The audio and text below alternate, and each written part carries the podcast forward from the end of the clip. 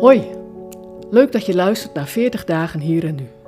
De podcast die je wil helpen om Jezus te volgen in jou, hier en nu. Het is zondag 10 april. We staan aan het begin van wat we de stille week zijn gaan noemen. Aangekomen bij het keerpunt van Jezus leven op aarde. Wat er deze week gaat gebeuren is iets om stil van te worden. De hoofdpersoon van het feest is onze koning. Eén die je met gejuich binnen kunt halen. Want wie wil er nou niet bij de koning horen? Zeker één die tot zoveel in staat is. Hij heeft zelfs Lazarus opnieuw tot het leven geroepen. En dus wordt hij met gejuich onthaald. We lezen vandaag uit Johannes 12, vers 12 tot 19. De volgende dag was er al een grote menigte in Jeruzalem voor het feest.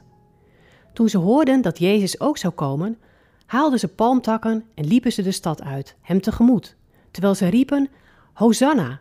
Gezegend hij die komt in de naam van de Heer, de koning van Israël. Jezus zag een ezel staan en ging erop zitten, zoals geschreven staat: Vrees niet, Sion, je koning is in aantocht, en hij zit op een ezelsveulen. Zijn leerlingen begrepen dit aanvankelijk niet, maar later, toen Jezus tot majesteit verheven was, herinnerden ze zich dat dit over hem geschreven stond en dat het ook zo gebeurd was. De mensen die erbij waren geweest toen hij Lazarus uit het graf riep en uit de dood opwekte, waren van die gebeurtenis blijven getuigen.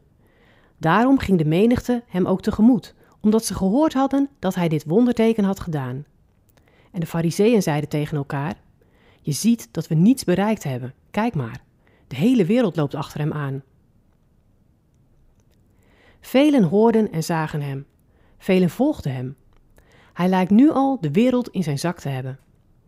Dat wekt zowel bewondering als irritatie.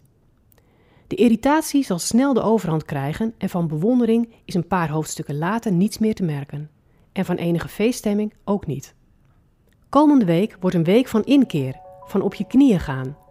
Het feest is zo anders dan je had verwacht. Degene die het feest geeft, is dat trouwens ook. Wat roept deze koning bij jou op?